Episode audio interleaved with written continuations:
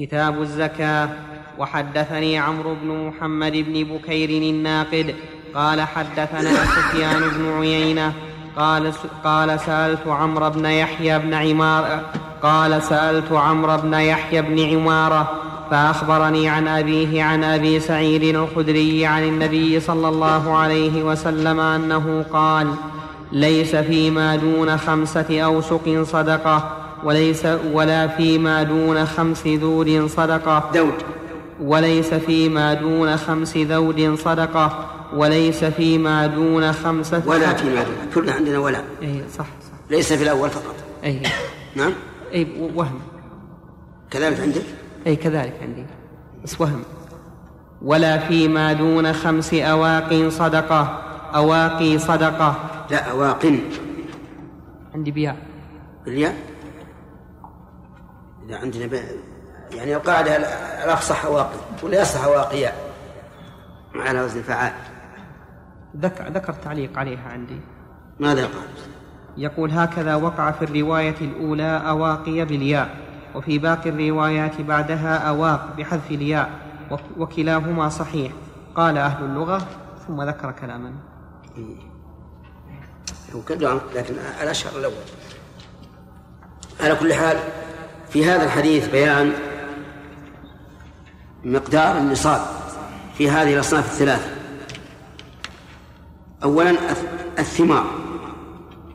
ليس فيما دون خمسة أوسق صدقة والأوسق جمع وسق وهو الحمل والحمل ستون صاعا وعلى هذا فتكون الخمسة ثلاثمائة صاع بصاع النبي صلى الله عليه وعلى آله وسلم. وهو بأصواعنا هنا في في القصيم مئتين وثلاثين وزيادة الصاع نبوي لأن صاع النبي أقل مما من من الصاع المستعمل عندنا طيب في أربعة أربعة أوسق. فيها صدقة؟ أربعة أوسق. ما فيها زكاة؟ طيب أربعة ونص؟ ما فيها زكاة. وهل هذا تحديد أو تقريب؟ من المعلوم أن الأو- الأوسق ليست تحديدا لا تزيد وزن مثقال. لكن هذا على سبيل التقريب. يعني مثلا لو نقص شيئا قليلا أو زاد شيئا قليلا فإنه لا يؤثر. كذلك ليس فيما دون خمس ذود صدقة. الذود الإبل. فأقل نصاب الإبل خمس. فأربع ليس بها صدقة. وهذا هذا إذا كانت للنماء. والتسمين والدر أما إذا كان للبيع فإنها قد تجب الزكاة في بعير واحدة. ولا فيما خمس أو ولا فيما دون خمس أواق صدقة. الأواق جمع وقية وهي أربعون درهما. والمراد من الفضة لأنها هي التي توزن بالأواقي وعلى هذا فإذا كان عند الإنسان أربع أواقي ونصف. فليس عليه صدقة طيب وهل تضم الفضة إلى الذهب في تكميل النصاب؟ يرى بعض العلماء أنه أنها تضم وأن الإنسان إذا كان عنده نصف نصاب من ذهب ونصف نصاب من فضة وجبت عليه الزكاة والصواب أنه لا يضم وأنه إذا كان عنده نصف نصاب من ذهب ونصف نصاب من فضة فلا زكاة. لأن السنة وردت بالتفريق بينهما. ولأن الشعير لا يضم إلى الحنطة في تكميل النصاب. مع أنه مع أنهما جنسان الانتفاع بهما واحد لكن اختلفا. فلذلك صار لكل جنس حكم لكل جنس حكمه الخاص. نعم. وحدثنا محمد بن رمح بن المهاجر قال أخبرنا الليث حاء وحدثني عمرو عمرو الناقد قال حدثنا عبد الله بن إدريس كلاهما عن يحيى بن سعيد عن عمرو بن يحيى بهذا الإسناد مثله. وحدثنا محمد بن رافع قال حدثنا عبد الرزاق قال أخبرنا ابن جريج قال أخبرني عمرو عمرو بن يحيى بن عمارة عن أبيه يحيى بن عمارة قال سمعت أبا سعيد الخدري يقول سمعت رسول الله صلى الله عليه وسلم يقول وأشار النبي صلى الله عليه وسلم بكفه بخمس أصابعه ثم ذكر بمثل حديث ابن عيينة وحدثني أبو كامل فضيل في هذا الإشارة بالفعل لأن الإشارة بالفعل تؤدي إلى رسوخ الشيء. إذ يجتمع الحاستان حاسة السمع وحاسة البصر. وهذا كحديث أن النبي صلى الله عليه وسلم سئل ماذا يتقى من الضحايا؟ فقال خمس. وأشار, وأشار فقال أربع. فقال أربع وأشار بأصابعه نعم. وحدثني أبو كامل فضيل بن حسين الجحدري قال حدثنا بشر يعني ابن مفضل. قال حدثنا عمارة بن غزية عن يحيى بن عمارة. قال سمعت أبا سعيد الخدري يقول قال رسول الله صلى الله عليه وسلم ليس فيما دون خمسة أوسق صدقة وليس فيما دون خمس ذود صدقة وليس فيما دون خمس أواق صدقة. وحدثنا أبو بكر بن أبي شيبة وعمر الناقد وزهير بن حرب قالوا حدثنا وكيع عن سفيان عن إسماعيل بن أمية عن محمد بن يحيى بن حبان عن يحيى بن عمارة عن أبي سعيد الخدري قال قال رسول الله صلى الله عليه وسلم ليس فيما دون خمس أوساق من تمر ولا حب صدقة وحدثنا إسحاق بن منصور قال أخبرنا عبد الرحمن يعني ابن مهدي قال حدثنا سفيان عن إسماعيل بن أمية عن محمد بن يحيى بن حبان عن يحيى بن عمارة عن أبي سعيد الخدري أن النبي صلى الله عليه وسلم قال ليس في حب ولا تمر صدقة حتى يبلغ خمسة أوسق ولا فيما دون خمس ذود صدقة ولا فيما دون خمس أواق صدقة. وحدثني عبد بن حميد قال حدثنا يحيى بن آدم قال حدثنا سفيان عن إسماعيل بن أمية بهذا الإسناد مثل حديث ابن مهدي. وحدثني محمد بن رافع قال حدثنا عبد الرزاق قال أخبرنا الثوري ومعمر عن إسماعيل بن أمية بهذا الإسناد مثل حديث ابن مهدي ويحيى بن آدم غير أنه قال بدل التمر ثمر. حدثنا هارون بن معروف وهارون بن سعيد الأيلي قال حدثنا ابن وهب قال أخبرني عياض بن عبد الله عن أبي الزبير عن جابر بن عبد الله عن رسول الله صلى الله عليه وسلم أنه قال ليس فيما دون خمس أواق من الورق صدقة وليس فيما دون خمس ذود من الإبل صدقة وليس فيما دون خمسة أوسق من التمر صدقة. باب ما فيه العشر أو نصف العشر. هذه الأحاديث حديث جابر وحديث أبي سعيد. بعضها مبهم وبعضها مبين. يعني المعدود مبين وبعضها المعدود فهل يقال إن الرسول إن هذه الألفاظ كلها ثبتت عن الرسول عليه الصلاة والسلام وأنه كان أحيانا يقول هكذا وأحيانا يقول هكذا أو نقول إن هذا من تصرف الرواة لأنهم يرون الأحاديث بالمعنى؟ الظاهر الثاني. الظاهر الثاني خصوصا إذا كان المخرج واحدا كحديث أبي سعيد. أما حديث جابر فيمكن أن يكون الرسول قاله في مجلس آخر وبين المعدود. لأن في حديث جابر بين المعدود في جميع الأصناف الثلاثة.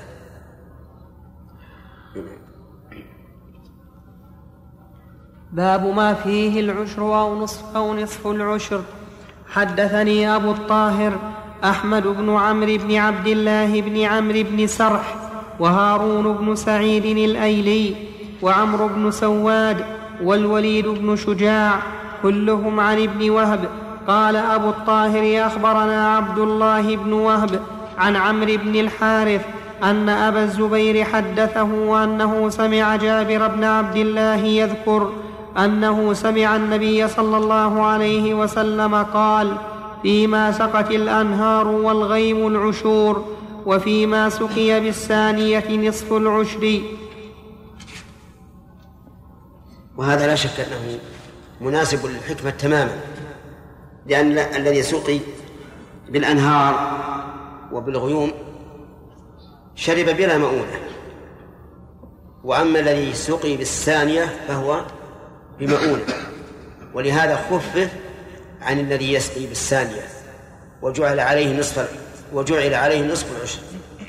والثاني جعل عليه العشر كاملا. طيب فإذا كان يسقى أحيانا بهذا وأحيانا بهذا فقال العلماء ينظر إلى الأكثر وهل الأكثر مدة أو الأكثر نفعا؟ على خلاف بينهم. فإذا تساوتا قالوا يجب فيه ثلاثة وأرباع العشر. وهذا لا شك أنه عدل.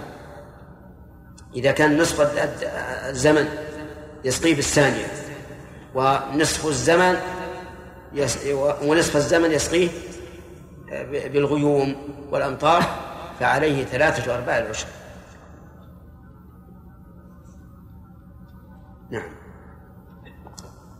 طيب الذي يشرب الآن في المكاين؟ المواطير يعتبر من الثانية؟ نعم. باب لا زكاة على المسلم في عبده وفرسه. وحدثنا يحيى بن يحيى التميمي قال قرأت على مالك عن عبد الله بن دينار عن سليمان بن يسار عن عراك بن مالك عن أبي هريرة أن رسول الله صلى الله عليه وسلم قال ليس على المسلم في عبده ولا فرسه صدقة. ليس صدقة يعني واجبة. كقوله تعالى إنما الصدقات للفقراء. يعني الزكوات. وقد استدل بهذا الحديث من زعم أنه أنه لا تجب الزكاة في عروض التجارة حيث قال ليس على المسلم في عبده ولا فرسه صدقة. والحقيقة أن هذا الحديث حجة عليه وليس حجة له لأن قوله في عبده أضافه إليه على وجه الاختصاص يعني في عبده الذي يختص به ويتخذه لنفسه يركبه ويسافر عليه هذا في قصدي في الفرس وفي العبد الذي يستخدمه واتخذه لنفسه خاصة. أما عروض التجارة فإن صاحبها لم يختص بها وإنما أراد بها الربح والكسب. وتجد يشتري الفرس في الصباح ويبيعه في المساء أو يشتري الخادم في الصباح ويبيعه في المساء لا يريد أن يختص به. فالحديث بمنطوقه يدل على أن هذا على أن العبيد والخيل إذا كانت للاستعمال الخاص فليس فيها زكاة. وبمفهومه على أن ما لا يختص به ففيه الزكاة. وقد يقال المفهوم يدل على أنه آه، أو يقال أن المفهوم مسكوت عنه. لكن كوننا نقول هذا الحديث يدل على عدم وجوب زكاة العروض لا شك أنه فهم ليس بصواب. نعم. وحدثني عمرو عمرو طيب الآن عندنا السيارات التي يتخذ الإنسان للركوب فيها زكاة؟ لا لا. طيب يتخذها للتكسب. فيها. ليس فيها زكاة. فيها. التكسب يعني بالأجرة. أي. ليس فيها زكاة. في لأنه يريد اتخذها لنفسه. وكذلك يقال في الدور وكذلك يقال في العماير التي تؤجر كلها ليس فيها زكاة وإنما الزكاة في الأجرة. نعم. وحدثني عمرو الناقد وزهير بن حرب قال حدثنا سفيان بن عيينة قال حدثنا أيوب أيوب بن موسى عن مكحول عن سليمان بن يسار عن عراك بن مالك عن أبي هريرة قال عمرو عن النبي صلى الله عليه وسلم وقال زهير يبلغ به ليس على المسلم في عبده ولا فرسه صدقة. حدثنا يحيى بن هذا ينبغي ان يحتفظ به كمثال لقول الصحابي يبلغ به. هذا قول الراوي عن الصحابي يبلغ به.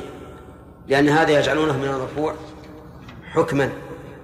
ويقل أن تجد مثالا له في كتب المصطلح يعني يبلغ به أو ينميه أو يرفعه أو ما أشبه ذلك. ولهذا إذا إذا مر بكم مثل هذا الحديث فينبغي أن تقيدوه على هامش النسخة التي عندكم في المصطلح. نعم. حدثنا يحيى بن يحيى قال أخبرني سل... قال أخبرنا سليمان بن بلال حا وحدثنا قتيبة قال حدثنا حماد بن زيد حا وحدثنا أبو بكر بن أبي شيبة قال حدثنا حاتم بن إسماعيل كلهم عن خثيم بن عراك بن مالك عن أبيه عن أبي هريرة عن النبي صلى الله عليه وسلم بمثله. وحدثني أبو الطاهر وهارون بن سعيد الأيلي وأحمد بن عيسى. في هذا الإسناد الأخير فيه شيء يسمى عند عند أهل الاصطلاح له اسم خاص.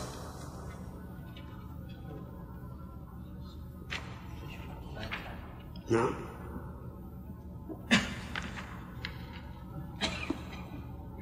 نعم. لا. الآن يقول عن خثيم بن عراك بن مالك عن أبيه. من هو؟ عراك بن مالك. عراك بن مالك عن أبي هريرة. أي نعم. لا أنا أنا وهمت في في, في الإسناد الأخير. عراك بن مالك عن أبيه. وسهوت عن خيثم. إذا كان يعني على حسب وهمي ما يخالف نجيب الفائدة. يعرف بالمزيد في في متصل. الأسانيد. الأسانيد. وحدثني أبو الطاهر وهارون بن سعيد الأيلي وأحمد بن عيسى قالوا حدثنا ابن وهب قال أخبرني مخرمة عن أبيه عن عراك بن مالك قال سمعت أبا هريرة يحدث عن رسول الله صلى الله عليه وسلم أنه قال ليس في العبد صدقة إلا صدقة الفطر هذا فيه فائدة. وهي أن الاستثناء يدل على العموم كما قال الأصوليون. الاستثناء معيار العموم. لأنه لما قال ليس في العبد صدقة يشمل صدقة الزكاة وصدقة الفطر. فلما قال إلا صدقة الفطر علم أن النكرة في سياق النفي تفيد العموم. وأن الاستثناء أيضا يدل على العموم. نعم.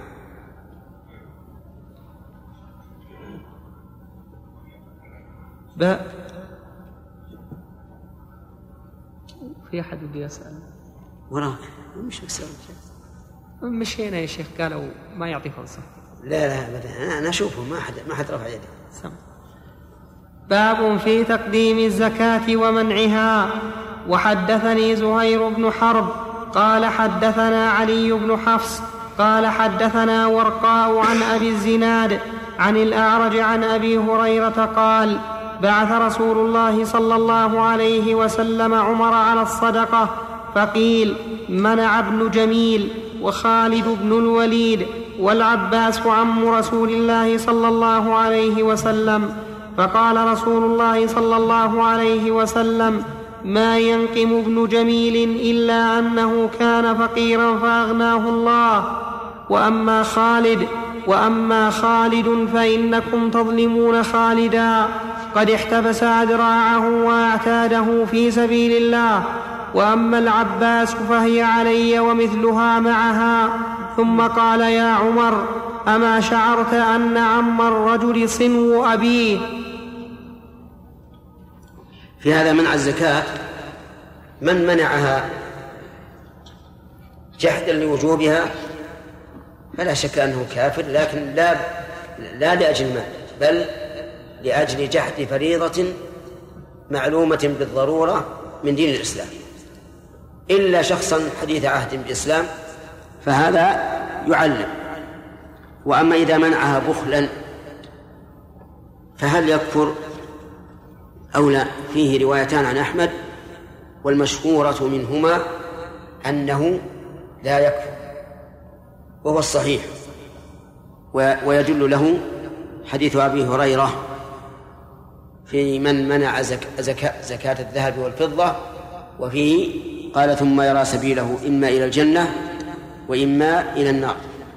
وإذا ولو كان كافرا لم يكن له سبيل إلى الجنة. ولكن إذا مات وهو مانعها ثم أخرجها ثم أخرجها ورثته من بعده فهل تبرأ بذلك ذمته؟ الصواب لا تستعجل. الصواب أنها لا أنها لا تبرأ لا تبرأ ذمته بذلك. وإذا كانت لا تبرأ ذمته بذلك فهل يجب على الورثة أن يخرجوها لحق المستحقين للزكاة؟ أو نقول ما دامت لا لا تنفع الميت فلا حاجة في إخراجها. الجواب يجب علي على أهله على الورثة أن يخرجوها لأنها كالدين في ذمة الميت الذي امتنع من وفائه والميت إذا امتنع من وفاء من وفاء الدين فإنه يقضى عنه من تركته. أما هذا هذا الحديث ففيه بعث. الكبر على الصدقة وأنه لا يشترط في المبعوث أن يكون من سلطة الناس بل الأفضل أن يكون المبعوث من أهل العلم والدين والفقه. ولهذا بعث النبي صلى الله عليه وسلم عمر على الصدقة. فقيل والظاهر والله أعلم أن القائل عمر لأنه هو هو رئيس الوفد. فقيل منع ابن جميل. واسمه عبد الله وخالد بن الوليد معروف والعباس عم النبي صلى الله عليه وسلم. فقال رسول الله صلى الله عليه وسلم ما ينقم ابن جميل إلا أن كان أنه كان فقيرا فأغناه الله. ما ينقم أي ما ينكر إلا هذا. وهذا يقتضي أن يشكر الله وأن يؤدي الزكاة. وهذا عندهم تأكيد الذم بما يشبه المدح. فذمه الرسول عليه الصلاة والسلام بأن الله أغناه بعد الفقر ثم منع الزكاة. وهذا من أشد ما يكون من ذمه والقدح فيه. وأما خالد فإنكم تظلمون خالدا. وهذه شهادة عظيمة للرسول من الرسول عليه الصلاة والسلام لخالد. وانظر كيف التنويه بفضله حيث قال فإنكم تظلمون خالدا ولم يقل فإنكم تظلمونه تنويها لذكره باسمه. يعني كأنه قال تظلمون خالد ومن؟ من الذي ظلمتم؟ إنه خالد بن الوليد. وليس أهلا للظلم أو أن يقدح فيه ويقال إنه منع.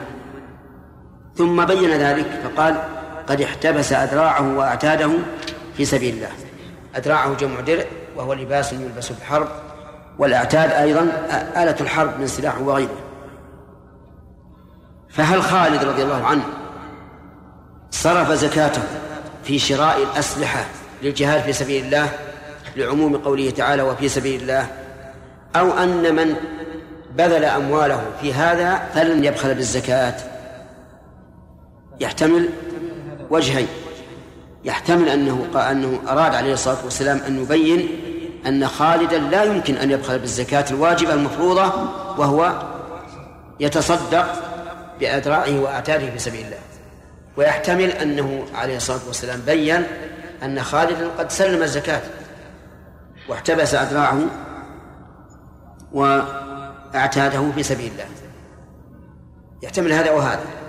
لكن الأول أقرب لأن قوله احتبس يعني أوقف. لأن الحبس هو الوقف. كما قال النبي عليه الصلاة والسلام لعمر بن الخطاب حين استشاره في أرضه في خيبر قال له إن شئت حبست أصلها وتصدقت بها. وعلى هذا فيكون المعنى إن الرجل الذي أوقف أعتاده وأذراعه في سبيل الله لا يمكن أن يبخل بالزكاة الواجبة. وأما العباس فهي علي ومثلها ومثلها معها التزم بها النبي عليه الصلاة والسلام. قال علي ومثلها ولم يذكر عن العباس شيئا. ولا ندري ما الذي حمل العباس على منعه من من بذل الصدقة. أشيء بينه وبين الرسول عليه الصلاة والسلام أم أنه أراد أن أن يسلمها بنفسه إلى الرسول عليه الصلاة والسلام دون واسطة؟ المهم أن العباس لا ندري عنه. لا فيه مدح ولا ذم. لكن النبي صلى الله عليه وسلم تحملها. فلماذا تحملها مرتين؟ قال بعض أهل العلم إنه تعجل منه صدقة عامين. وقال هي علي ومثلها. وكان قد تعجل أي العباس صدقة سنتين. لكن هذا فيه نظر. والظاهر أن الرسول تحملها من عنده لقوله فهي علي ومثلها ولم يقل فقد أعطاني إياها وتعجل بل التزم لكن لماذا التزم؟ بضعفها مرتين الظاهر من ذلك أنه لئلا يتوسل أحد من أقارب الإمام بكونه من أقاربه على منع ما يجب عليه. لأن بعض الناس مثلا قد يمتنع مما يجب عليه لأنه إيش؟ قريب الإمام فأراد الرسول عليه الصلاة والسلام أن يضاعف عليه الصدقة لئلا يتوسل أحد بقربه من الإمام إلى الامتناع من الواجب. وهذه السياسة حكيمة كان عمر رضي الله عنه يسلكها. فكان إذا نهى الناس عن شيء جمع أهله وقال إني نهيت عن كذا وكذا وإن الناس ينظرون إليكم نظر اللحم إلى الطير. الطير إلى اللحم. آه نظر آه نعم نظر الطير إلى اللحم. ولا يبلغني عن أحد منكم أنه فعل كذا وكذا يعني مما نهى عنه إلا أضعفت عليه العقوبة. لأن أقارب الإمام إنما يتهاونون في الأمور. لماذا؟ لأنهم أقارب فيتوسلون بهذا إلى إلى الإخلال بالواجب. هذا هو الذي يظهر لي أن النبي صلى الله عليه وسلم تحملها لكنه ضاعفها على عمه لهذا السبب. ثم قال يا عمر أما شعرت أن عم الرجل صنو أبيه أراد أن يبين أو أن يبرر كونه تحمل عن عمه بأنه صنو أبيه وإذا كان صنو أبيه فإنه يجب عليه صلته. والصنو هو القرينة لأن بعض النخيل يكون أصلها واحدا وفرعها نخلتين وهذا شيء معروف. كما قال الله تعالى صنوان وغير صنوان. فالنخلة إذا كان أصلها واحدا وتفرعت نخلتين يقال هذه صنو. نعم. وفي هذا بيان صلة النبي صلى الله عليه وسلم لرحمه حيث تحملها عن عمه ولم يلزمه بها. وفيه أيضا بيان إبعاد أقارب ولي الأمر عن أن يتوسلوا بقرابتهم للإخلال بما يجب على غيرهم. نعم. شيخ بارك الله فيكم. في المعامل والمصانع يكون هناك كميات كبيرة من المواد الخام. يعني كم لو أنه معمل للحلويات يكون فيه السكر والطحين وأشياء كثيرة من هذا. فهل هذه لو حالت عليه الحول تزكى؟ أو أنها لا تزكى حتى تصنع وتخرج على شكل تزكى. تزكى لأنها معدة للبيع. ونعم وأحيانا أما الآلات الباقية ما فيها زكاة. نعم. تزكى بسعر الشراء أو سعر البيع. تس... لا بما تساوي وقت وجوب الزكاة. وقت الوجوب. قد تزيد وقد تنقص. شيخ أحسن الله إليك. هل هو حكم عام ان أن يتحمل احدنا الزكاة على أحد والذي لا يريد إيش؟ هل يؤخذ من هذا حكم عام على من لا يريد أن يؤدي الزكاة؟ فيقال أنه إذا ادها اداها عنه غيره أجزأته ولا آه، يعذر عن ذلك. ما يؤخذ منه نعم بارك الله فيكم. يعني حتى راح وجه إخراج العقارات ونحو سيارات الأجرة وعمارات الأجرة ألا تزكى أعيانها لا تزكى أعيانها الذي أخرجها؟ أخرجها لأنها ليست ليس ليست الزكاة واجبة في عينها كالذهب والفضة. أو التمر أو القمح وإنما هي واجبة في قيمتها وهذه لا يراد قيمتها. يراد أن يختص بها الإنسان وتبقى عنده. يعني إختصاص مثلا البيت يسكن الإنسان أو يركبها واضح. لكن هذه إنما أراد بها التكسب. حتى ما يخالف. أراد بها التكسب. هذا المكسب الذي أراده فيه الزكاة. لكن هي نفسها ليس فيها زكاة. لأنه يريد أن تبقى. ما هو للتكسب بها؟ لو أراد بقائها يقول أن أنا أنتظر الموسم. قلنا فيها زكاة. لكن هو يريد بقائها لينتفع بكسبها فقط. أما هي لو فإنه لا يريد بيعها أبدا كما لا يريد بيع بيته الخاص.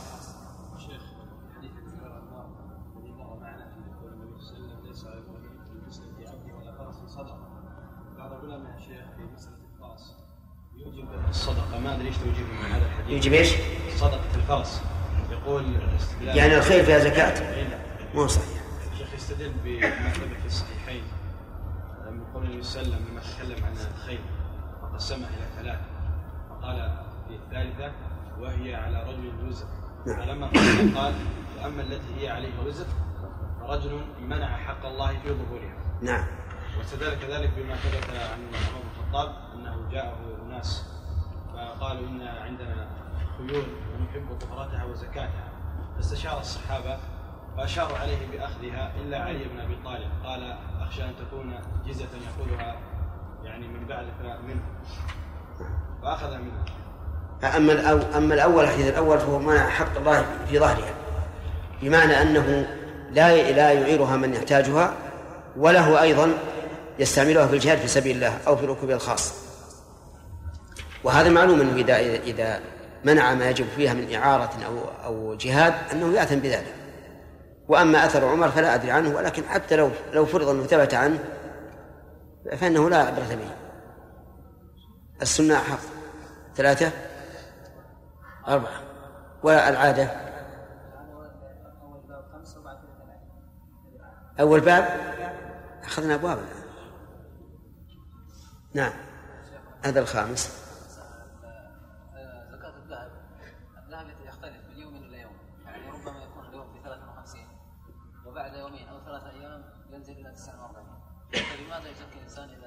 وقت الوجوب. إذا كان اليوم تجب الزكاة عليه. يقدرها بسعر اليوم. لكن الذهب الآن عندنا الحقيقة يزيد وينقص في الساعة أو في الدقيقة أيضا. فإذا إذا كان مثل أول النهار مثل بعشرين وآخر النهار بثلاثين ينظر المتوسط. نعم. نعم. وقت الوجوب الوقت الذي تتم فيه السنة؟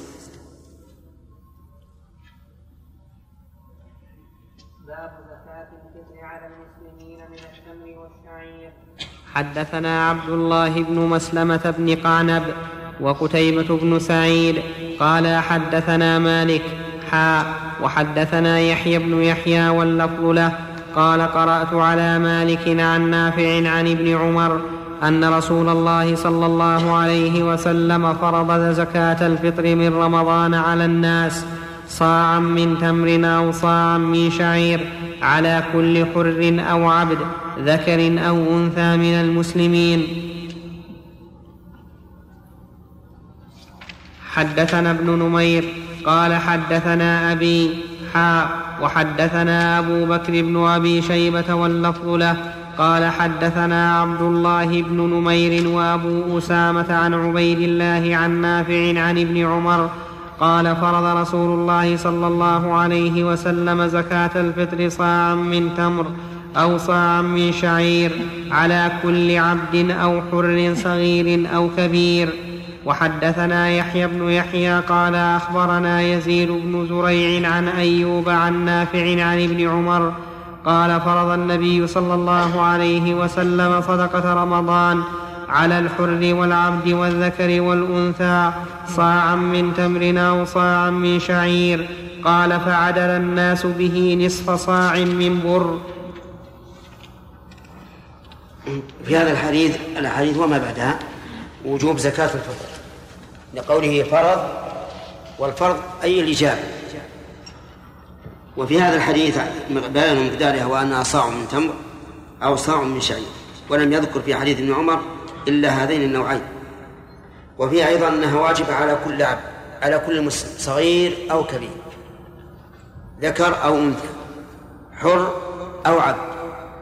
ولا إشكال في ذلك إلا في العبد. فكيف تجب عليه وملكه لغيره؟ نقول تجب على على سيده. تجب على سيده. أما غيره فكل إنسان تجب عليه صدقة الفطر بنفسه. فإن قال قائل وإذا كان الصغير لا مال له. كالذي في المهد. ولا ولم يرث مالا. ولم يهدى إليه مال. قلنا تجب على من يمونه تجب على من يمون أي من يقوم بنفقته. نعم.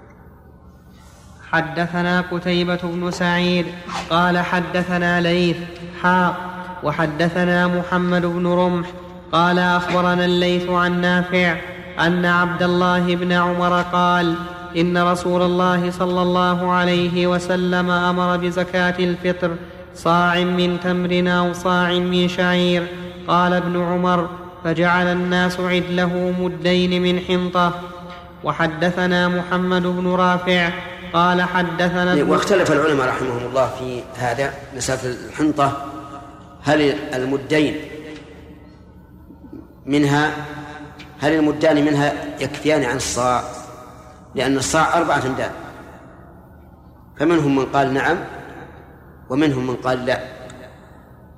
والصواب مع مع مع من قال لا. وأنه لابد من صاع تام. في الحنطة والرز وغيرها. نعم. وحدثنا محمد بن رافع قال حدثنا ابن أبي فديك قال أخبرنا الضحاك عن نافع عن عبد الله بن عمر أن رسول الله صلى الله عليه وسلم فرض زكاة الفطر من رمضان على كل نفس من المسلمين حر أو عبد. أو رجل أو امرأة صغير أو كبير صاعا من تمر أو صاعا من شعير. حدثنا يحيى بن يحيى قال قرأت على مالك عن زيد بن أسلم عن عياض بن عبد الله بن سعد بن أبي سرح أنه سمع أبا سعيد الخدري يقول كنا, نخ كنا نخرج زكاة الفطر صاعا من طعام أو صاعا من شعير أو صاعا من تمر أو صاعا من أقط أو صاعا من زبيب.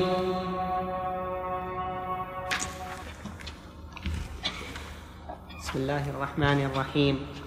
الحمد لله رب العالمين والصلاة والسلام على أشرف الأنبياء والمرسلين نبينا محمد وعلى آله وأصحابه أجمعين. أما بعد فقد قال الإمام مسلم رحمه الله تعالى في صحيحه في كتاب الزكاة حدثنا عبد الله بن مسلمة بن قعنب قال حدثنا داود يعني ابن قيس عن عياض, عن عياض بن عبد الله عن أبي سعيد الخدري قال كنا نخرج, كنا نخرج إذ, إذ كنا نخرج إذ كان فينا رسول الله صلى الله عليه وسلم زكاة الفطر عن كل صغير وكبير حر أو مملوك صاعا من طعام أو صاعا من أقط أو صاعا من شعير أو صاعا من تمر أو صاعا من زبيب. فلم نزل نخرجه حتى قدم علينا معاوية بن أبي سفيان حاجا أو معتمرا. فكلم الناس على المنبر فكان فيما كلم به الناس أن قال إني أرى أن مدين من سمراء الشام تعدل صاعا من تمر فأخذ الناس بذلك. قال أبو سعيد فأما أنا فلا أزال أخرجه كما كنت أخرجه أبدا ما عشت. في هذا دليل في هذا بيان مقدار زكاة الفطر وأنها صاع. وذلك بصاع النبي صلى الله عليه وسلم المعروف إذ ذاك وهو أقل من أصواعنا المعروفة عندنا هنا لأنه كما قال شيخنا عبد الرحمن بن سعدي رحمه الله الصاع النبوي وزنه ثمانون ريال فرنسا وصاعنا وزنه مئة وأربعة ريالات فيزيد عليه بمقدار أربعة وعشرين من ثمانين يعني أكثر من الربع. وهل يج... تجوز الزيادة على الصاع النبوي؟ مالك بن أنس رحمه الله كره ذلك وقال لا ينبغي أن يزيد على الصاع النبوي لأن هذا مقدر شرعا فالخروج عنه فيه نوع مخالفة لكن الصحيح أنه لا بأس ويكون الزائد يكون الزائد عن الصاع النبوي الذي هو الواجب يكون يكون تطوعا. أما رأي معاوية رضي الله عنه حين قدم المدينة حاجا ومعتمرا ومعلوم أن أن أن عاصمة خلافته في ذلك الوقت كانت الشام. صعد المنبر وتكلم فيما تكلم وكان من جملة ما تكلم به أنه رأى أن مدا من سمراء الشام يعادل مدين من الشعير أو من التمر. فعدل الناس به وكأنه رضي الله عنه رأى أن المسألة مسألة تقويم. وأن قيمة هذا تعادل قيمة هذا. لكن هذا هو رأيه. والإنسان يخطئ ويصيب. ولهذا عارضه أبو سعيد الخدري. وقال أن أما أنا فلا أزال أخرجه كما كنت أخرجه أبدا ما عشت. والعلماء مختلفون في هذا. بينما عامتهم يرون الطعام في غير هذه المسألة البر على النصف من غيره. يعني كفارة اليمين مثلا مدان من من من التمر يعادله مد من من البر. في جميع ما يخرج من الأطعمة يرون أنه أن البر على النصف إلا في زكاة الفطر. والصحيح هو هذا أن زكاة الفطر يجب أن تبقى كما قدرها النبي صلى الله عليه وعلى آله وسلم. ولو أخرج من أعلى أنواع الأطعمة. لأن هذا لا يراد به بلا شك لا يراد به التقويم بدليل أن النبي صلى الله عليه وسلم فرضها من صاع من طعام والأطعمة في ذلك الوقت تختلف. تمر شعير زبيب أقط. والغالب أن مثل هذه لا لا تتفق قيمتها بل الغالب أن تختلف. فالتمر والشعير والزبيب والأقط لا لا لا تكاد تتفق في القيمة أبدا. وعلى هذا فنقول الواجب صاع من طعام أي طعام كان حتى لو كنا في بلد طعام أهله اللحم. فالواجب إيش؟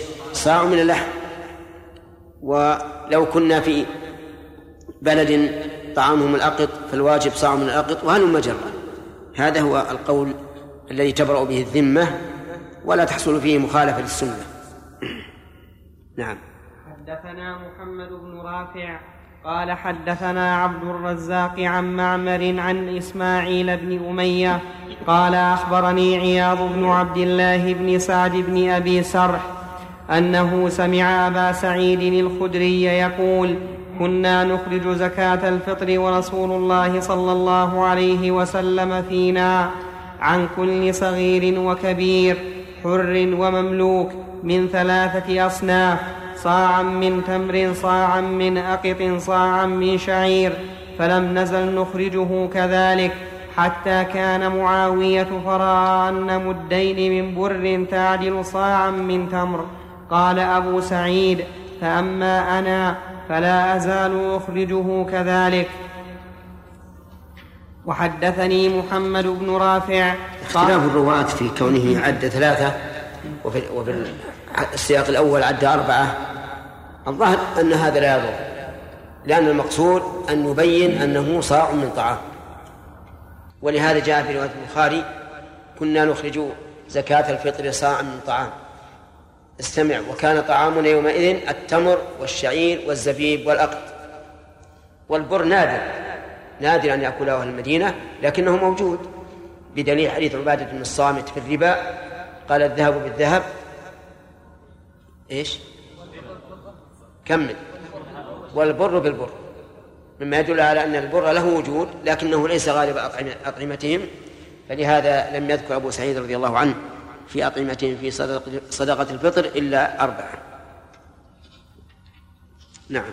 وحدثني محمد بن رافع قال حدثنا عبد الرزاق قال أخبرنا ابن جريج عن الحارث بن عبد الرحمن بن أبي ذباب بن أبي ذباب ابن أبي ذباب عن عياض بن عبد الله عندنا بالضم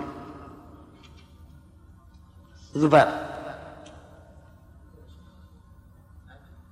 عندي بالضم.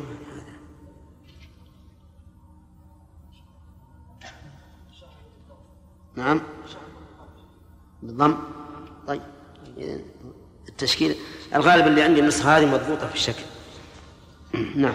قال أخبرنا ابن ابن جريج عن الحارث بن عبد الرحمن بن أبي ذباب عن عياض بن عبد الله بن أبي سرح عن أبي سعيد الخدري قال كنا نخرج زكاة الفطر من ثلاثة أصناف الأقط والتمر والشعير.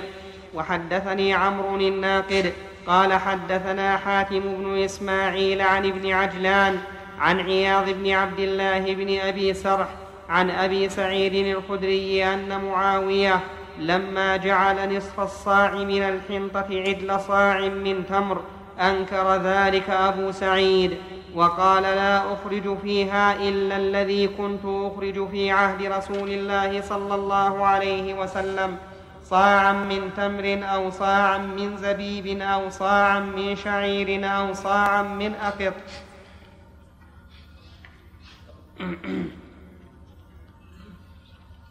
باب الأمر بإخراج زكاة الفطر قبل الصلاة.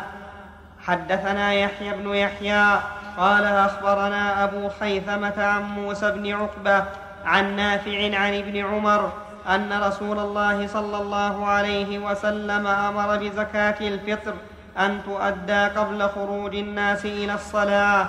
وحدثنا محمد بن رافع قال حدثنا ابن أبي فديك قال أخبرنا الضحاك عن نافع عن عبد الله بن عمر أن رسول الله صلى الله عليه وسلم أمر بإخراج زكاة الفطر أن تؤدى قبل خروج الناس إلى الصلاة. نعم هذا هو الوقت الأفضل. الأفضل أن تخرج يوم العيد قبل الصلاة. ولهذا كان النبي صلى الله عليه وسلم يؤخر صلاة العيد في الفطر ليتسع الوقت لإخراج الزكاة فيه. ولأنها إذا أخرجت إلى الفقير في ذلك اليوم انتفع بها ذلك اليوم. لكن لو تخرج إليه قبل ذلك ربما يأكلها ويأتي يوم العيد وليس عنده منها شيء. فلهذا كان أفضل وقت تخرج فيه هو صباح يوم هو صباح يوم العيد قبل الصلاة. فإن أخرجها قبل ذلك فالجواب إن أخرجها بعد غروب الشمس أي بعد ثبوت دخول شهر شوال فلا إشكال في جوازها. لأنها أخرجت بعد ثبوت الفطر وهي وهي تسمى إيش؟ صدقة الفطر. فإذا ثبت دخول شهر شوال جاز إخراجها في الليل. قبل ذلك تجوز قبل ذلك بيوم أو يومين. فقد كان الصحابة رضي الله عنهم يؤدونها قبل ذلك بيوم أو يومين. وأما من توسع في في هذا وقال إنه يجوز أن تخرج من حين دخول رمضان فقوله ضعيف.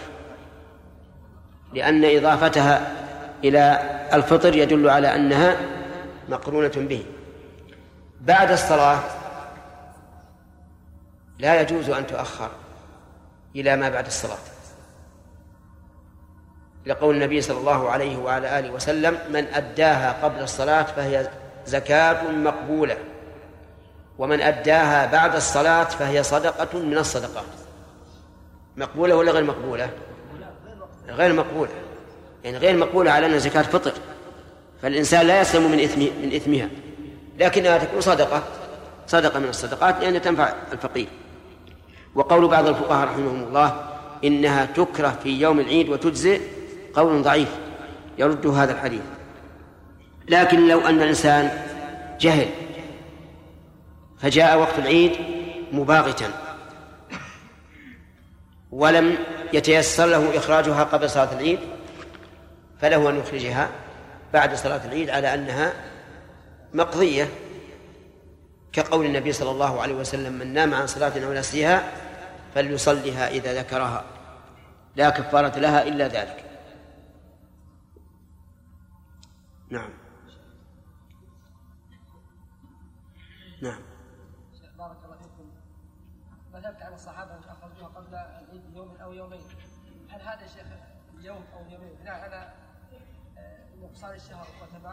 لا مو بالظاهر. الظاهر ان التنويع على هذا قد قبل ثلاث أيام؟ لا.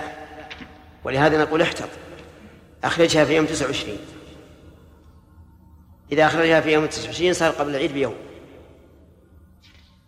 وإذا تم الشهر صار قبل العيد بيوم. والله إذا خاطر فهو إذا ثبت أن أنه أخرجها في 28 في 28 يقضيها نعم. إيش؟ الأقط هذا البقل. آه، البقل عبارة عن آه، لبن آه، يطبخ ثم يقرص قرصان. نعم. لا الحجاج يعطيك قرصا منه غدا إن شاء الله. نعم. إيش؟ مصر؟ ما أدري مصر يمكن ما هو موجود عندهم بعد.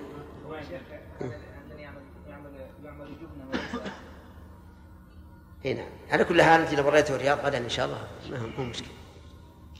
نعم. أحد منكم يجهله بعد نخليه يأتي به علنا ما تعرفون. إذا تأتي به إن شاء الله ليلة السبت. وقرص واحد يكفي. نعم. إيش؟ البر؟ اي الشعير اللي ما يؤكل.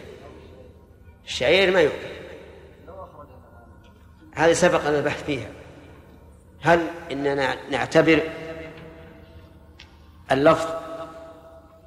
إن اعتبرنا اللفظ قلنا يجزي ما يسمى شعيرا أو زبيبا أو اقطا أو برا وإن اعتبرنا المعنى قلنا لا ما إذا لم يكن قوتا فإنه لا يجزي. وهذا هو الأقرب لأن النبي صلى الله عليه وسلم فرضها طهرة للصائم وطعمة للمساكين. فإذا كان الإنسان إذا أعطي صاع من الشعير أعطاه الشاة أو البقرة أو البعير أو الحمار فكيف يقال إنها طعمة للمساكين؟ نعم. كم؟ ثلاثة؟ ثلاثة؟ باب إثم مانع الزكاة. إيش؟ جم. ما شاء الله.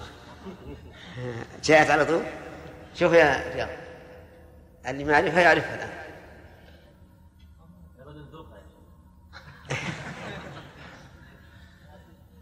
سمى كلب عندكم؟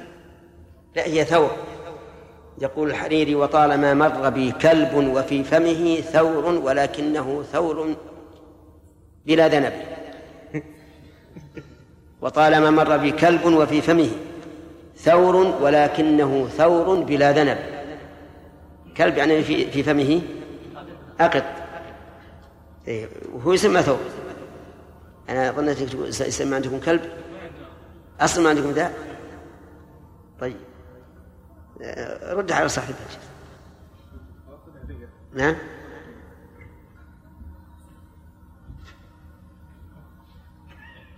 نعم. باب إثم مانع الزكاة. وحدثني سويد بن سعيد قال حدثنا حفص يعني ابن ميسرة الصنعاني عن زيد بن قول أسلم مانع الزكاة يعني زكاة المال. وهذا الإثم هل نقول إنه في منع زكاة الأموال المتفق عليها؟ أو حتى المختلف فيها. فمثل عروض التجارة فيها خلاف. هل فيها زكاة أو لا؟ الحلي حلي النساء فيه خلاف هل فيه زكاة أو لا؟ وما أشبه ذلك. فإذا منع الإنسان زكاة ما فيه الخلاف فهل نقول إن هذا الخلاف يرفع الإثم عنه؟ الجواب لا. نقول في هذا تفصيل. إن كان يعتقد وجوب الزكاة فيما منع زكاته فلا فرق بين المتفق عليه بين المتفق عليه والمختلف فيه. وإن كان لا يعتقد ذلك فهذا لا إثم عليه. يعني لو قال إنه يتبع من يقول لا زكاة في العروض لا زكاة في الحلي لأنه يرى أن قولهم أصح هذا لا, لا شيء عليه. لكن إذا قال إنه يرى وجوب الزكاة في هذا ومنع فلا فرق بين أن يمنع ما اتفق الناس على وجوب الزكاة فيه أو لا. ثم إن مانع الزكاة هل يكفر أو لا يكفر؟ في هذا خلاف بين العلماء. منهم من قال إنه يكفر لأن الزكاة أحد أركان الإسلام. ولأن الله قال فويل للمشركين الذين لا يأتون الزكاة. ولأن الله تعالى جعلها أي الزكاة قرينة الصلاة في كثير من الآيات. ولأن الله قال فإن تابوا وأقاموا الصلاة يعني المشركين فإن تابوا وأقاموا الصلاة وآتوا الزكاة فإخوانكم في الدين. يعني وإن لم يفعلوا إيش؟ فليسوا إخوانا لنا في الدين والأخوة في الدين لا تنتفي إلا بالكفر. لأن الكبائر مهما كبرت إذا لم تكن كفرا فإنها لا تخرج من الأخوة في الدين أفهمتم؟ ليس أعظم من قتل المؤمن ولا من قتال المؤمنين بعضهم لبعض ومع ذلك لا يخرج به الإنسان من الإسلام فالمسألة خطيرة جدا منع الزكاة والمقصود والمراد منعها بخلا وتهاونا وأما من جحد وجوبها فهذا له شيء آخر. ولا يخفى أن من منعها يجب قتاله كما فعل أبو بكر رضي الله عنه حين قاتل مانع الزكاة. لكن هل يكفر؟ هذا هو السؤال. هل يكفر أو لا؟ قلنا الآن إن فيه خلافا وهو فمن العلماء من قال إنه يكفر وهو رواية عن الإمام أحمد بن حنبل رحمه الله. ومنهم من قال إنه لا يكفر وسيأتي في الحديث الذي ساقه المؤلف ما يرجح أحد الأمرين. ولكن إذا منعه بخلا مع إقراره بوجود بوجوبها ثم مات فهل تؤدى من تركته أو لا؟ نقول يجب أن تؤدى من تركته لأنها حق الغير فهي كالدين في ذمة الميت. لكن هل تبرأ بها ذمته إذا أخرجوها؟ يخرجها الورثة؟ الصحيح أنها لا تبرأ الذمة وأنه سيعاقب عليها عقاب من لم يخرج عنه لأنه مات على أنه إيش؟ لا يخرجه. أي فائدة إذا أخرجها الورثة؟ فالصحيح ال- ال- الذي لا شك فيه عندنا وهو الذي تقتضيه قواعد الشريعة كما قال ابن القيم رحمه الله في كتاب تهذيب سنن أبي داود أنه لا تجزئ أنه لا تبرأ ذمته بإخراج الورثة زكاته بعد موته. وهذا واضح. فإذا قال قائل إذا كانت لا تبرأ ذمته فما الفائدة؟ إلا الضرر على الورثة. صح؟ إذا قلنا لا تبرأ الذمة بذلك فلا فائدة إلا أننا نضر الورثة بذلك. قلنا هذا إيراد قوي. لكن لما كانت الزكاة يتعلق بها حق حق المستحقين لها صار لا بد أن نعطي أهل الحقوق حقهم. نعم. وحدثني سويد بن سعيد قال حدثنا حفص يعني ابن ميسرة الصنعاني عن زيد بن أسلم أن أبا صالح ذكوان أخبره أنه سمع أبا هريرة يقول قال رسول الله صلى الله عليه وسلم ما من صاحب ذهب ولا فضة لا يؤدي منها حقها إلا إذا كان يوم القيامة صفحت له صفائح من نار فأحمي عليها في نار جهنم فيكوى بها جنبه وجبينه وظهره كلما بردت أعيدت له في يوم كان مقداره خمسين ألف سنة حتى يقضى بين العباد فيرى سبيله إما إلى الجنة وإما إلى النار. قيل يا رسول الله فالإبل؟ قال ولا صاحب إبل لا يؤدي منها حقها ومن حقها حلبها يوم وردها إلا إذا كان يوم القيامة. بطح لها بقاع قرقر أوفر ما كانت لا يفقد منها فصيلا واحدا تطأه بأخفافها وتعضه بأفواهها كلما مر عليه أولاها رد عليه أخراها. في يوم كان مقداره خمسين ألف سنة حتى يقضى بين العباد فيرى سبيله إما إلى الجنة وإما إلى النار. قيل يا رسول الله فالبقر والغنم قال ولا صاحب بقر ولا غنم لا يؤدي منها حقها إلا إذا كان يوم القيامة بطح لها بقاع قرقر لا يفقد منها شيئا ليس فيها عقصاء ولا جلحاء ولا عضباء تنطحه بقرونها وتطأه بأظلافها كلما مر عليه أولاها رد عليه أخراها. في يوم كان مقداره خمسين ألف سنة حتى يقضى بين العباد فيرى سبيله إما إلى الجنة وإما إلى النار. قيل يا رسول الله فالخيل؟ قال الخيل ثلاثة هي لرجل وزر وهي لرجل ستر وهي لرجل أجر. فأما التي هي له وزر فرجل ربطها رياء وفخرا ونواء على أهل الإسلام فهي له وزر وأما التي هي له ستر فرجل ربطها في سبيل الله ثم لم ينس حق الله في ظهورها ولا رقابها فهي له ستر.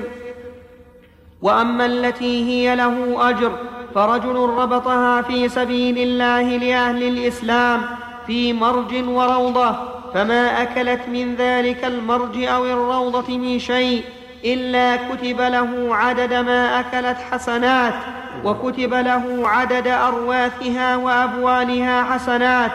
ولا تقطع طولها ولا تقطع طول ولا تقطع طولها فاستنت شرفا أو شرفين إلا كتب الله له عدد آثارها وأرواثها حسنات. ولا مر بها صاحبها على نهر فشربت منه ولا يريد أن يسقيها إلا كتب الله له عدد ما شربت حسنات. قيل يا رسول الله فالحمر؟ قال ما أنزل علي في الحمر شيء إلا هذه الآية الفاذة الجامعة. فمن يعمل مثقال ذرة خيرا يره ومن يعمل مثقال ذرة شرا يره. هذا حديث عظيم. نبدأ بالأول. ما من صاحب ذهب ولا فضة لا يؤدي منها حقها إلا إذا كان يوم القيامة. حق الذهب والفضة أنواع. واجب ومستحب. فمن الواجب الزكاة وهو أعظم ما يجب وهي وهو يعني هذا الحق أعظم ما يجب فيها. لأن لأن إيتاء الزكاة من أركان الإسلام. ثم الواجب من دين ونفقة وضيافة وإطعام جائع وكسوة عاري وما أشبه ذلك. ثم ما كان على وجه الاستحباب كإقراضها لمحتاج إلى القرض فإن هذا من حقها. إذا كان لديك فضل مال وكان عندك وطلب أخوك أن تقرضه فإن هذا من حق من حق من حقها أن تقرضه لكنه ليس بواجب وإنما هو سنة. والمقصود بالحق هنا في هذا الحديث الحق الواجب. المقصود الحق الواجب لأن الحق الذي ليس بواجب ليس فيه إثم وليس عليه عقوبة. إذن أعلى ما يكون من حق الذهب والفضة ما هو؟ الزكاة.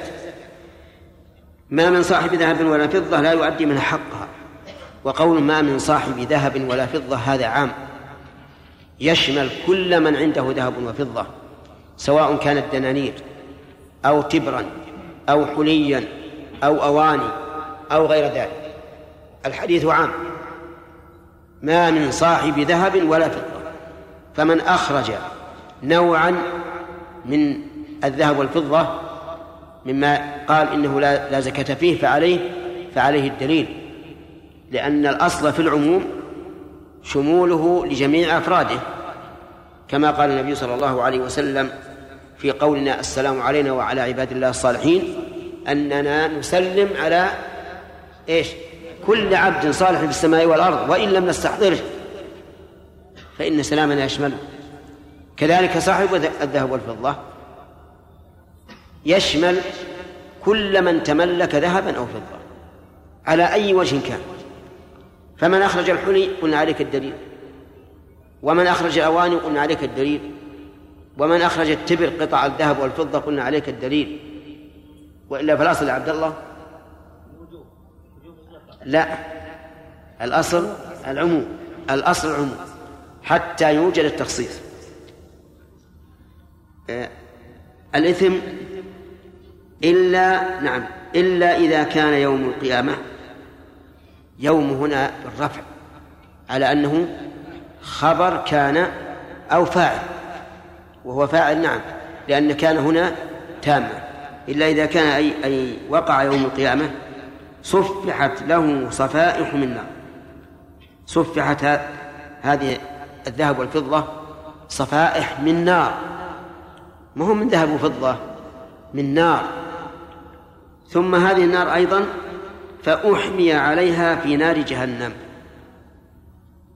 فهي صفائح من نار يحمى عليها في نار جهنم فيكوى بها جنبه وجبينه وظهره. قال بعض أهل العلم جنبه إذا ولى صاحب الحق ظهره. إذا ولى صاحب الحق ظهره. هذا ظهر. إذا ولاه جنب جنبه هذا الجنب. يعني كأنهم يقولون إذا طلب صاحب الحق حقه كالفقير فإما أن يواجهه بوجه عبوس. فيستحق العذاب على إيش؟ على الجبين. أو يعرض عن يمينا أو يسارا. فالعذاب على إيش؟ على الجنب أو ينصرف عنه فالعذاب على الظهر. وقال بعض العلماء بل إن الله تعالى ذكر ذلك ليبين أن أن الرسول صلى الله عليه وسلم بين ذلك وكذلك في القرآن ليبين أن العقوبة تشمل جميع جهات البدن. فالجبين عبارة عن مستقبل البدن والظهر عن قفاه والجنب عن يمينه وشماله فكأنه والعياذ بالله كأنه يلطخ في هذا من كل جانب. وهذا هو الأقرب. لأن لأن الإنسان ربما يمنح حقها لكن بغير وجه عبوس بل بوجه منطلق. يأتي الفقير ويقول أعطني الزكاة. أهلا ومرحبا. حياكم الله. الرزق على الله. وأبشر بالخير. وانتظر الفرج من الله. ويدخل عليه من السرور ما يملأ المكان. وهو مانع للزكاة. نعم. وكذلك ربما لا يولي ظهره ولا ولا ولا جنبه. فالذي يظهر لي والله أعلم. أن المراد أن العقوبة تشمل جميع جميع البدن من كل وجه نسأل الله العافية. وهذا وهذه العقوبة شهدت لها نعم شاهدها في القرآن. قال الله تبارك وتعالى والذين يكنزون الذهب والفضة كملها يا واحد كمل أنت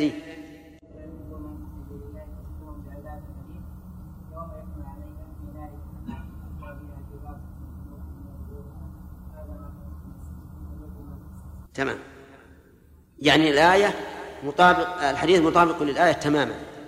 والمراد بكنز الذهب والفضة هو منع زكاتها لأن مانعها يريد أن أن تتوفر له. وليس المراد بكنزها دفنها دفنها. بل لو كانت على ظهر جبل وهي لا تؤدي زكاتها فإنها كنز. طيب يقول فيكوى بها جنبه وجبين وظهره كلما بردت أعيدت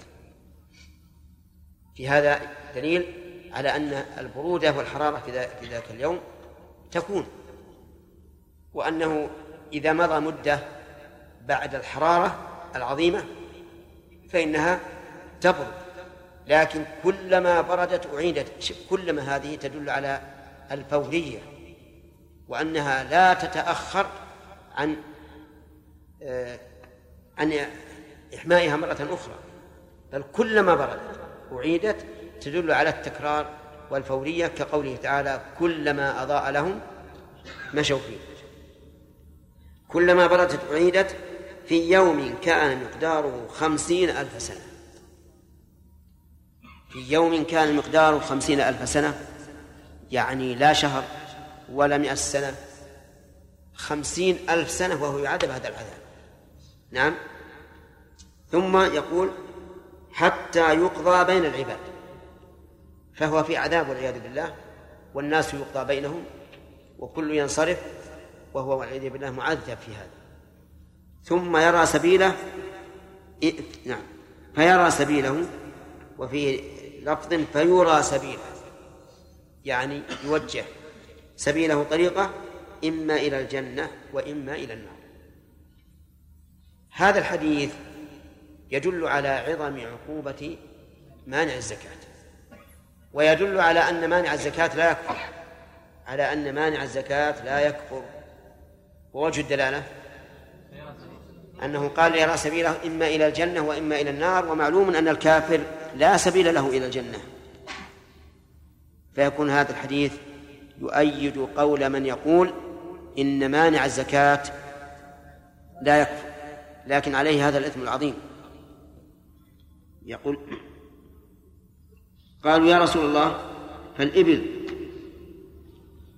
وإنما سألوا عن الإبل لأنهم أصحاب إبل. قال ولأنهم أيضا يبتاعون الإبل ويشترونها تجارة فهي تشبه الذهب والفضة من حيث أن الناس يبيعون بها ويشت... يبيعونها ويشترونها للتجارة والتكسب فلذلك ذكروا الإبل. قال وما ولا صاحب إبل. لا يؤدي منها حقها. ومن حقها حلبها يوم ولدها هذا حق مستحب. يعني أنها إذا وردت الماء فإن من حقها أن يحلبها الإنسان ويعطيها الفقراء. لأن الفقراء إذا جاء ولد الإبل تشرئب نفوسهم إلى أن يعطوا منها. فمن حقها أن أن يحلبها يوم ولدها ويعطيها الفقراء. إلا إذا كان يوم القيامة. بطح لها بقاع قرقر أوفر ما كانت. لا يفقد من لا يفقد منها فصيلا واحدا. تطعه بأخفافها وتعظه بأفواهها. كلما مر عليه أولاه أولاها رد عليه أخراها في يوم كان مقداره خمسين ألف سنة حتى يقضى بين العباد فيرى سبيله إما إلى الجنة وإما إلى النار. وفي هذا دليل على أن الإبل من الأموال الزكوية وأن الزكاة تجب فيها وهو كذلك لكن لها شروط. ومن الشروط أن تكون سائمة. والسائمة هي الراعية التي ترعى الحول أو أكثره. ويأتي إن شاء الله بقية الكلام عليه. قوله صلى الله عليه وسلم في الخيل ثم لم ينس حق الله في ظهورها ولا رقابها استدل به أبو يصبر ما في قبل شيء طيب. قال فأما التي هي له وزر هكذا هو في أكثر النسخ التي لا قال على الخيل ثلاثة. مع أول الحديث. قيل يا رسول الله فالخيل ما في يا شيخ هذا أول ما تكلم عن الخيل سبحان الله. قوله صلى الله عليه وسلم في الخيل فأما التي هي له وزر هكذا هو في أكثر النسخ التي آه التي هكذا. ووقع في بعضها الذي وهو أوضح وأظهر. قوله صلى الله عليه وسلم ونواء لأهل الإسلام ونواء لأهل الإسلام هو بكسر النون وبالمد أي مناوأة ومعاداة. قوله صلى الله عليه وسلم ربطها في سبيل الله أي أعدها للجهاد وأصله من الربط ومنه الرباط وهو حبس الرجل نفسه في الثغر وإعداده وإعداده الأهبة لذا وإعداد الأهبة. وإعداده الأهبة لذلك قوله صلى الله عليه وسلم في الخيل ثم لم ينس حق الله في ظهورها ولا رقابها. استدل به أبو حنيفة على وجوب الزكاة في الخيل ومذهبه أنها إن كانت الخيل كلها ذكورا فلا زكاة فيها وإن كانت إناثا أو ذكورا وإناثا وجبت الزكاة. وهو بالخيار. إن شاء أخرج عن كل فرس دينارا. وإن شاء قومها وأخرج ربع عشر القيمة. وقال مالك والشافعي وجماهير العلماء لا زكاة في الخيل بحال. للحديث السابق ليس على المسلم في فرسه صدقة. وتأولوا هذا الحديث على أن المراد أنه يجاهد بها. وقد يجب الجهاد بها إذا تعين وقيل يحتمل أن المراد بالحق في رقابها الإحسان إليها والقيام بعلفها وسائر, وسائر مؤنها والمراد بظهورها إطراق فحلها إذا, طلب إذا طلبت عاريته وهذا على الندب وقيل المراد حق الله مما يكسب من مال العدو على ظهورها وهو خمس الغنيمة.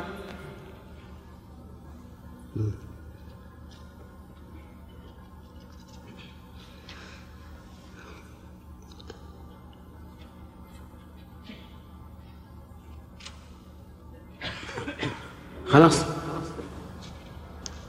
نعم. بسم الله الرحمن الرحيم. الحمد لله رب العالمين وصلى الله وسلم وبارك على عبده ورسوله أشرف الأنبياء والمرسلين نبينا محمد وعلى آله وأصحابه أجمعين. أما بعد فقد قال الإمام مسلم رحمه الله تعالى في كتاب الزكاة وحدثني يونس بن عبد الأعلى الصدفي قال أخبرنا عبد الله بن وهب قال حدثني هشام بن سعد عن زيد بن أسلم في هذا الإسناد بمعنى حديث حفص بن ميسرة إلى آخره غير أنه قال ما من صاحب إبل لا يؤدي حقها ولم يقل منها حقها وذكر فيه لا يفقد منها فصيلا واحدا وقال يكوى بها جنباه وجبهته وظهره وحدثني لا يأكل منها. لا يفقد منها فصيلا واحدا. والذي في الأصل؟ في الرواية الأولى.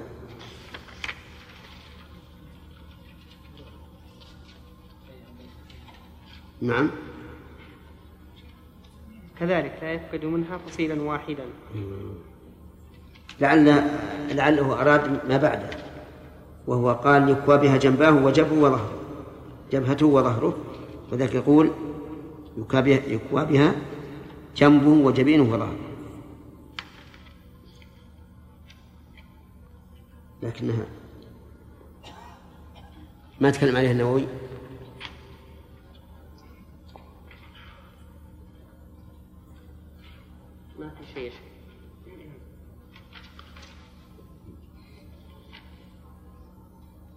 أما لا يؤدي منها حقها أو لا يؤدي من حقها واضح الاختلاف وفيه دليل على تحري الرواة رحمهم الله في نقل الألفاظ بدون زيادة وبدون نقص وأظن هذا حديث مما قلنا لكم قيدوه ولا لا؟ ها؟ نعم ها؟ لا لا. ولا لا يفقد منها فصيلا واحدا هي اللي بالرواية الأولى. ها؟ الإشكال أنه قال ولم يقل من حق وذكر فيه لا يفقد منها فصيلا واحدا. مع مع أنها هي بالرواية الأولى. ها؟ إيه. نعم. إيه لكن الفصيل هذا يذكر في الإبل. وهو كذلك قال في واحد ها؟ ما من صاحب إبل هنا. لم ما تعبه البقر. إيه نعم. نعم. بعد حسين واحد مباشر لا ما يصير لأن يكابه جنبه هذه في الذهب والفضة وهي في السياق قبل الإبل. طيب.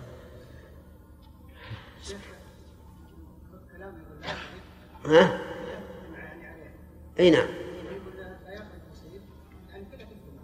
نعم نعم الله أكبر كلما مر عليه أولاها رد عليه أخراها نعم. وحدثني محمد بن عبد الملك الأموي قال حدثنا عبد العزيز بن المختار قال حدثنا سهيل بن أبي صالح عن أبيه عن أبي هريرة قال قال رسول الله صلى الله عليه وسلم ما من صاحب كنز لا يؤدي زكاته إلا أحمي عليه في نار جهنم فيجعل صفائح فيكوى بها جنباه وجبينه حتى يحكم الله بين عباده في يوم كان مقداره خمسين ألف سنة.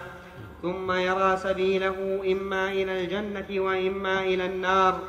وما من صاحب إبل لا يؤدي زكاتها. إلا بطح لها بقاع قرقر كأوفر ما كانت تستن عليه كلما مضى عليه أخراها ردت عليه أولاها. حتى يحكم الله بين عباده في يوم كان مقداره خمسين ألف سنة ثم يرى سبيله إما إلى الجنة وإما إلى النار. وما من صاحب غنم لا يؤدي زكاتها إلا بطح لها بقاع قرقر كأوفر ما كانت فتطأه بأظلافها وتنطحه وتنطحه بقرونها ليس فيها عقصاء ولا جلحاء كلما مضى عليه أخراها ردت عليه أولاها حتى يحكم الله بين عباده في يوم كان مقداره خمسين ألف سنة مما تعدون ثم يرى سبيله إما إلى الجنة وإما إلى النار. وهذا السياق صريح بأن المراد بالحق هو الزكاة. وأحسن الله إليك. أليس هذا اللفظ أصوب من جهة كلما مضى عليه أخراها ردت عليه أولاها. إي نعم. والأول كلما مر عليه أولاها رد عليه أخراها. هذا أقرب للتصور يعني. قال سهيل فلا أدري أذكر البقر أم لا؟ قالوا فالخيل يا رسول الله. قال الخيل في نواصيها أو قال الخيل معقود في نواصيها؟ قال سهيل أنا أشك الخير إلى يوم القيامة الخيل ثلاثة فهي لرجل أجر ولرجل ستر ولرجل وزر فأما التي هي له أجر فالرجل يتخذها في سبيل الله ويعدها له فلا فلا فلا تغيب شيئا في فلا بطون تغيب. فلا تغيب شيئا في بطونها. إلا كتب الله له أجرا ولو رعاها في مرج ما أكلت من شيء إلا كتب الله له بها أجرا ولو سقاها من نهر كان له بكل قطرة تغيبها في بطونها أجر حتى ذكر الأجر في أبوالها وأرواثها ولو استنت شرفا أو شرفين كتب لها بكل, خط بكل خطوة تخطوها أجر. وأما الذي هي له ستر فالرجل يتخذها تكرما وتجملا ولا ينسى حق ظهورها وبطونها في عسرها ويسرها. وأما الذي عليه وزر فالذي يتخذها أشرا وبطرا وبذخا. من ظهورها يعني لو أن أحدا أراد أن يستعيره لم يمنعه. وبطونها لعله إنزاء فحولها على آه، خير الآخرين.